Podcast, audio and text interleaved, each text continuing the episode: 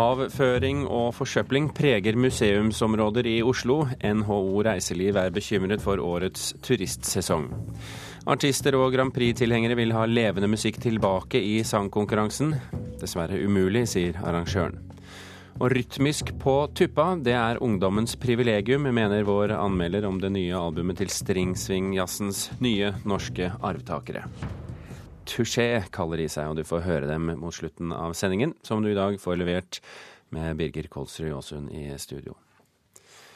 Både Munch-museet og Naturhistorisk museum sliter med forsøpling og avføring i uteområdene.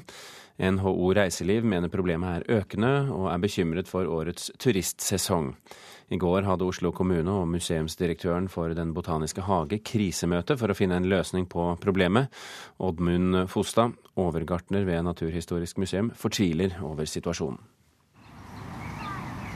Da er vi på vei inn i dufthagen. og Det er jo et litt skjerma område, i hvert fall for den atferden som vi ønsker å få slutt på her i Botanisk hage. Overgartner Oddmund Fostad og hans kollega ved Naturhistorisk museum har fått en litt uvanlig arbeidsoppgave i Den botaniske hagen. Det er jo veldig ubehagelig for de som jobber her å begynne å plukke menneskeskitt. Det er jo ikke sånn som vi ønsker å ha det. Jeg syns det er veldig synd at det skal bli et offentlig toalett. Men eh, det er ikke bare her vi finner. Vi har funnet ja, en sted mellom 20 og 30 plasser i hele Botanisk hage. Også på Munch-museet har de problemer. Det flyter med søppel på parkeringsplassene eh, rundt oss. Eh, og det er tyvegods som legges igjen utenfor konteinere. Det er folk som gjør fra seg i buskene våre og bruker, bruker områdene rundt oss på en måte som vi gjerne hadde sett at de ikke hadde gjort. Da. Det sier Bård Hammervoll, kommunikasjonsdirektør ved Munch-museet. Den botaniske hagen har nå redusert åpningstidene med seks timer. I går var museumsdirektøren i krisemøte med Oslo kommune, og ifølge byråd for næring og kultur, Halstein Bjerke fra Venstre, vurderes nå ulike tiltak. Parkeringsbestemmelsene i gaten utenfor uh, Botanisk hage det går på den store parkeringsplassen på Tøyen. Det går på håndhevelse av campingforbudet. Det går på vakthold.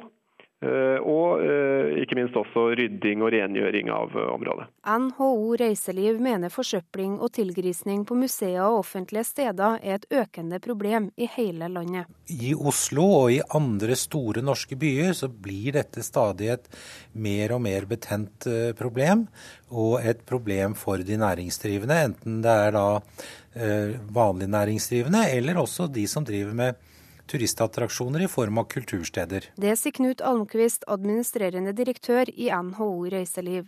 Han liker ikke utviklinga og er bekymra for turistsesongen. Vi er mest bekymret for at uh, turistene blir fortalt av andre venner og kjente der de kommer fra, at uh, i Oslo opplevde vi i og for seg ikke bare hyggelige ting, men en del negative også knyttet til dette med tigging, småkriminalitet, lommetyverier osv. Eh, og som da gjør at eh, turister som kanskje hadde tenkt seg til Oslo, lar være. Nå er vi på vei inn i et område som er veldig ynda plass for barnehagebarn, skolebarn og alt sånt. Og her er det et godt skjul for alle sammen, og her liker alle sammen seg veldig godt.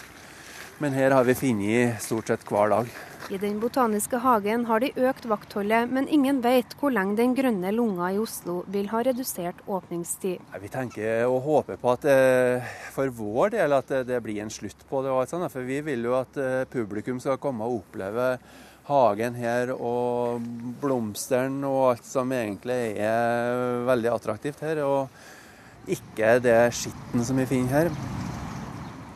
Ja, det sa Oddmund Fostad, overgartner ved Naturhistorisk museum, til reporter Kaja Kristin Næss. Byrådsleder Stian Berger Røsland, eh, deler du bekymringen fra NHO? Jeg tror alle deler bekymringen over at uh, en av Oslos mest fantastiske perler, uh, Botanisk hage, står i fare for å ikke ha full åpningstid. Og det er klart at det er en park som brukes av mange Oslo-folk, både i nærmiljøet, men folk drar jo inn fra hele byen for å, for å oppleve det. Så det er klart at det er en del turister der også som syns det er spennende. og det er klart at Eh, det at man reduserer åpningstiden der, det, det får, får, konsekvenser både for eh, folks mulighet til rekreasjon, for, eh, for Oslos omdømme. Og det er heller ikke noe god løsning for de som bor i leiren utenfor. Hvem har ansvaret? Nei, altså Hovedproblemet eh, i Botanisk hage og en del av parkene nå er jo at, man, at vi ser etablering av, eh, av leire og, og campingvirksomhet eh, som ikke er tillatt. Eh, det er jo sånn at vi i Oslo har mange campingplasser som man kan ta inn på. Eh, og man kan ikke bruke parkeringsplasser, og man kan ikke bruke parkområder.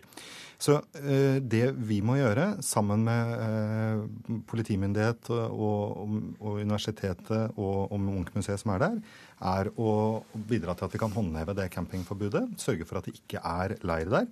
Og så har byrådet i dag også sagt at vi kommer til å søke departementet, enten alene eller eventuelt sammen med universitetet, men, men om en del av den bevilgningen som de har snakket om nå til, til denne såkalte tiggepakken sin, eh, som gjør at vi kan ruste oss bedre for å holde parkene rene, rydde opp, eh, eventuelt sette inn noe vakthold. Men, men bare så det er klart, Rydde byen, det er Oslo kommunes eh, ansvar, ikke sant?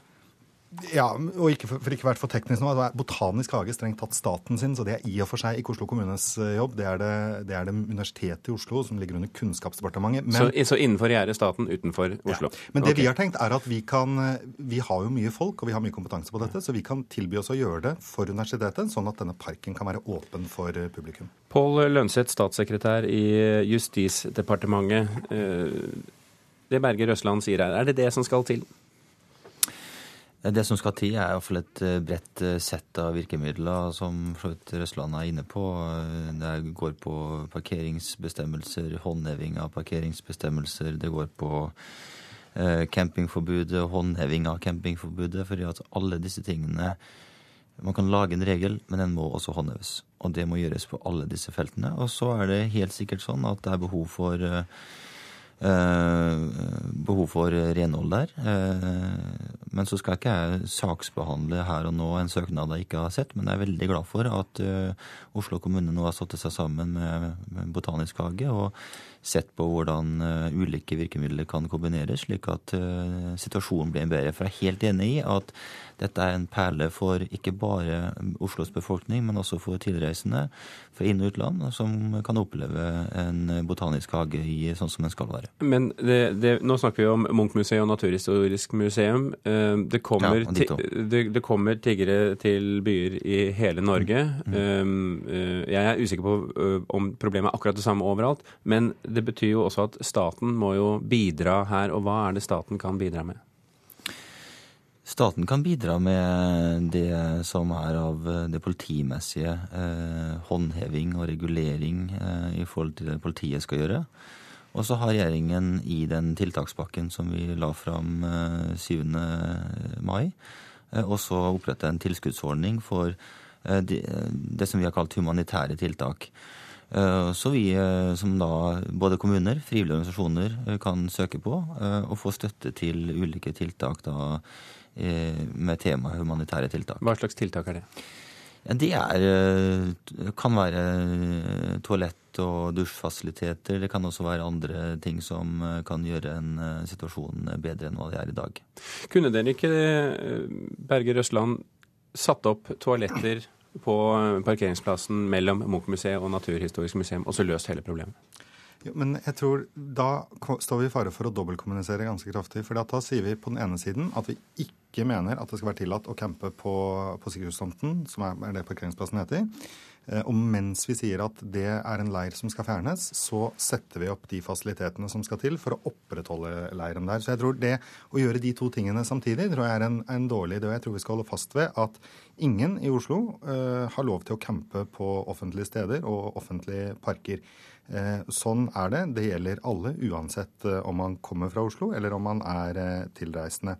Så skal vi jobbe godt sammen med museet og, og universitetet for å gjøre det som skal til for at denne parken kan holdes åpen. Men du hører jo overgartnerne her fortviler jo over situasjonen. Og det er jo ikke noe nytt, dette skjer jo hvert år.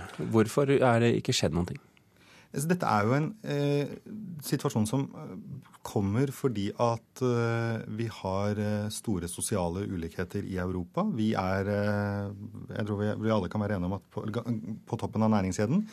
Og det er stor sosial uro og nød i deler av Europa. Det er klart at da blir Norge og Oslo Eh, et sted hvor mange ønsker å søke lykken. Noen for å jobbe, noen for å, å, tigge. Men blir det en løsning på dette før eh, varmen kommer og sommerturistene kommer? Ja, Vi skal i hvert fall klare å løse problemene vi har nå i Botanisk hage. Det kommer vi til å gjøre sammen med universitetet. Vi har sendt inn en søknad nå om å få med Justisdepartementet på det arbeidet også. Og så skal vi klare å holde den parken åpen i sommer.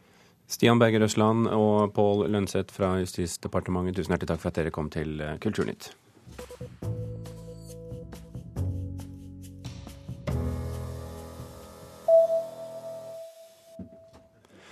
En dansk mann er tiltalt for å ha hyllet terrordømte Anders Behring Breivik på nettet. Hyllesten kom han med på Breiviks Facebook-side rett etter angrepet 22.07. I tillegg tiltales mannen for ulovlig våpenbesittelse og for å ha forsøkt å villede norsk politi ved å implisere seg selv i forbrytelsen. Mannen, som er i 40-årene, nekter skyld i saken. Kulturminister Hadia Tajik mener det er en dårlig idé å gjøre om Oslo Nye Teater til et prosjektteater. Det kommunale teatret har slitt med stram økonomi i flere år, og i vår bestemte Oslo kommune at de gradvis vil gjøre det om til et prosjektteater. I går møtte kulturministeren de ansatte som er urolige for fremtiden. Man risikerer å si opp folk for så å leie dem inn igjen. At det skal bedre kvaliteten på sikt er vanskelig å se for eh, seg, eh, sier Tajik til Dagsavisen i dag. Og straffesaken mot kunstneren Odd Nerdrum skal opp igjen i Borgarting lagmannsrett i august, skriver Dagbladet. Nerdrum ble i 2011 dømt til to års fengsel for grovt skattesvik av Oslo tingrett, og maleren anket til lagmannsretten. Der ble han dømt for å ha unndratt et større eh, beløp enn dommen i tingretten sa, og straffen ble skjerpet til to år og ti måneder. I februar ble dommen opphevet av Høyesterett. De sendte den tilbake til lagmannsretten for ny behandling, fordi de mente dommen ikke var godt nok begrunnet. Nå er det satt av fem dager i august til saken. I kveld er det klart for den første av delfinalene i Eurovision Song Contest i Malmö. Også i år er alt unntatt sangen innspilt på forhånd. Det gjør kvaliteten lavere, mener artister og tilskuere som har startet kampanje for å få orkestrene tilbake. Den 19. april 1980 i Haag i Nederland står Johnny Logan på scenen med hvit dress og glansfull nøttebrun pasjesveis. Han vinner Eurovision Song Contest for Irland med What's Another Year. Slik det var vanlig fram til 1998, har han et orkester i ryggen som spiller live på direkten. Hadde dette vært i år, ville Johnny Logan måtte synge til ferdig innspilt musikk. You know, you can never get from a backing track what you get from live musicians. Det hadde blitt en fattigere versjon, mener han, og håper at den levende musikken igjen skal få en plass i konkurransen. You know, the adrenaline that, you know, that the artist feels on the day, so do the musicians feel it, you know, and like sort of, it just lifts something inside you and your level of performance lifts. Tinn Spania leder en internasjonal kampanje for å få tilbake den levende musikken i Eurovision Song Contest. Det er jo en musikkonkurranse, først og fremst. Men så har det også blitt et, eh, etter hvert mer, mer og mer sirkus. da. Altså Selv sirkuser har orkestre. Hva er det vi vil gi seerne våre? Er det et musikkshow, eller er det mer et, et danseshow? da? I 2010 spurte han 29 av artistene som deltok i konkurransen om deres mening. Samtlige svarte at de helst ville hatt live-komp om de fikk velge. Artister flest, i hvert fall de som har vært i gamet litt, eh, foretrekker å, å gjøre det live.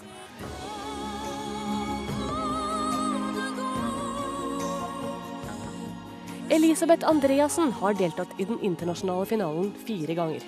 Sist gang var i 1996 med I evighet. Det er en, det er en stor opplevelse for artist å komme og få lov å synge til så store orkestre og så svære opplegg. Hun drømmer også om en Grand Prix-orkesterets renessanse. Jeg blir jo veldig skuffet når, når, de tok vekk dirigenter og orkester og live musikk. Det var en sånn rar, rar omveltning for oss, følte jeg. Det hadde jo vært fantastisk å ha et orkester på et, hvert Eurovision Song Contest, men sånn stor som konkurransen nå har blitt, så er jeg redd det er en umulighet. Jon Olasson er sjef for konkurransen. Nå er det jo rundt 40 land som deltar over tre kvelder, eh, så det er jo en helt annen eh, størrelse på det. I tillegg må man tenke på budsjettet. Jeg har brukt mye tid nå i radiointervjuer og, i avisintervjuer til å snakke om hvor dyrt Eurovision Song Contest er, og det å legge til eh, enda en faktor på det tror jeg ville komplisert og gjort det vanskeligere for enkelte kringkastere å arrangere Eurovision Song Contest. Det forstår Bettan, men håper likevel. Så jeg håper de løser det, for det, jeg syns det har vært fantastisk å få tilbake liveorkester på Grand Prix. Kunne de lokket deg tilbake til å delta da, eller? For meg så er det Det hadde vært en veldig hyggelig måte å komme tilbake på, da. Men det, det er jo låta som betyr noe. Låta skal være Det skal være absolutt vinnerlåt for å stille opp igjen.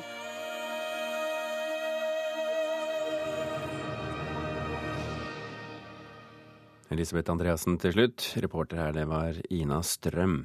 Stian Malmø, leder for den norske delegasjonen. Vi har deg på en eh, linje med litt forsinkelse her, så publikum og lyttere får eh, bære over med oss. Du er på plass i Malmø. Bærer stemningen preg av at årets show koster under halvparten av fjorårets konkurranse i Baku?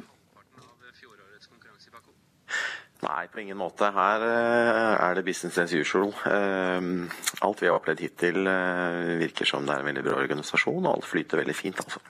Vi hørte i reportasjen at årets show avvikles med ferdiginnspilt musikk. Hvordan har konkurransen endret seg siden orkestrene forsvant på 90-tallet? Eh, den har jo faktisk eh, gjort det lettere for flere. Det er jo ingen ubetydelig kostnad å ha et stort uh, orkester. Uh, uh, vi må tenke på at da, da legger det litt føringer på det nasjonale uttagelsen av artister også. Og i år f.eks., når det er 39 land som er med, så ville det vært fryktelig mange låter for et orkester å øve inn. Med dirigenter. Det ville tatt mye mye lengre tid å få til dette på scenen, og det ville kostet vanvittig mye mye mer. Så det er nok en av hovedgrunnene til at det ikke er live orkester i Eurovision lenger. Det utvikler seg som alt annet i samfunnet. Og I dag så braker det løs med første semifinale. Hva er vi får se i kveld, eh, Malmö? I kveld så får man se eh, en typisk Eurovision-sending. Eh, det er eh, hentet inn eh, den beste teknikken som TV har å by på nå. Bra kameraer, bra, bakgrunn, bra bakgrunner. Litt mer intim sal enn vi har vært vant til eh, fra Eurovision tidligere. Dette er en mindre sal. Den tar eh, rundt 9000-10 000 Eh, publikummere. Og, eh, men, men, jeg tror showet vi får se i kveld er eh, helt likt de store TV-showene vi har sett fra tidligere år. Og Hva bør vi glede oss til i år, nå som finalen går i Malmö? Nei, Det er hyggelig å se Sveriges måte å gjøre dette på. Nå fikk jo vi prøve oss bare for noen år siden. Eh, så, så, nå er det svenskenes tur. De skal vel vise fram litt eh, av sin musikkultur. Eh, det har vært skrevet mye om at ABBA er involvert. De er jo de, kanskje de største Eurovision-sirkuset. Eller så er det en god blanding europeisk popmusikk av ymse kvalitet, og det er jo noe av det som er som er drakraften til Eurovision også. Man får se ting man kan Eh, nikke gjenkjennende til, og så får man se ting man rett og slett ikke forstår. og Det er, det er liksom noe av magien, da. Leder for den norske delegasjonen, Stian Malme i Malmö, tusen hjertelig takk for at du var med i Kulturnytt. Næringslivsjournalist Kjetil B. Alstaheim ble i går tildelt den store journalistprisen for 2013. Juryen mener journalisten, som jobber i Dagens Næringsliv, holder eh, opp politikernes meningsløsheter og avslører alle som fyller sine setninger med tomme ord. Han roses for sin evne til å lage gull av gråstein fra pressebenken på Stortinget. Prisen på 100 000 kroner er finansiert av eh, norske presseorganisasjoner. Kulturnytt eh, runder nå av etter å ha snakket eh, både om eh, forsøpling av museumsområder og Grand Prix-tilhengere som vil ha orkesteret tilbake. Kulturnytt fikk du av Hanne Lunås, Vidar Sem og Birger Kolsrud også.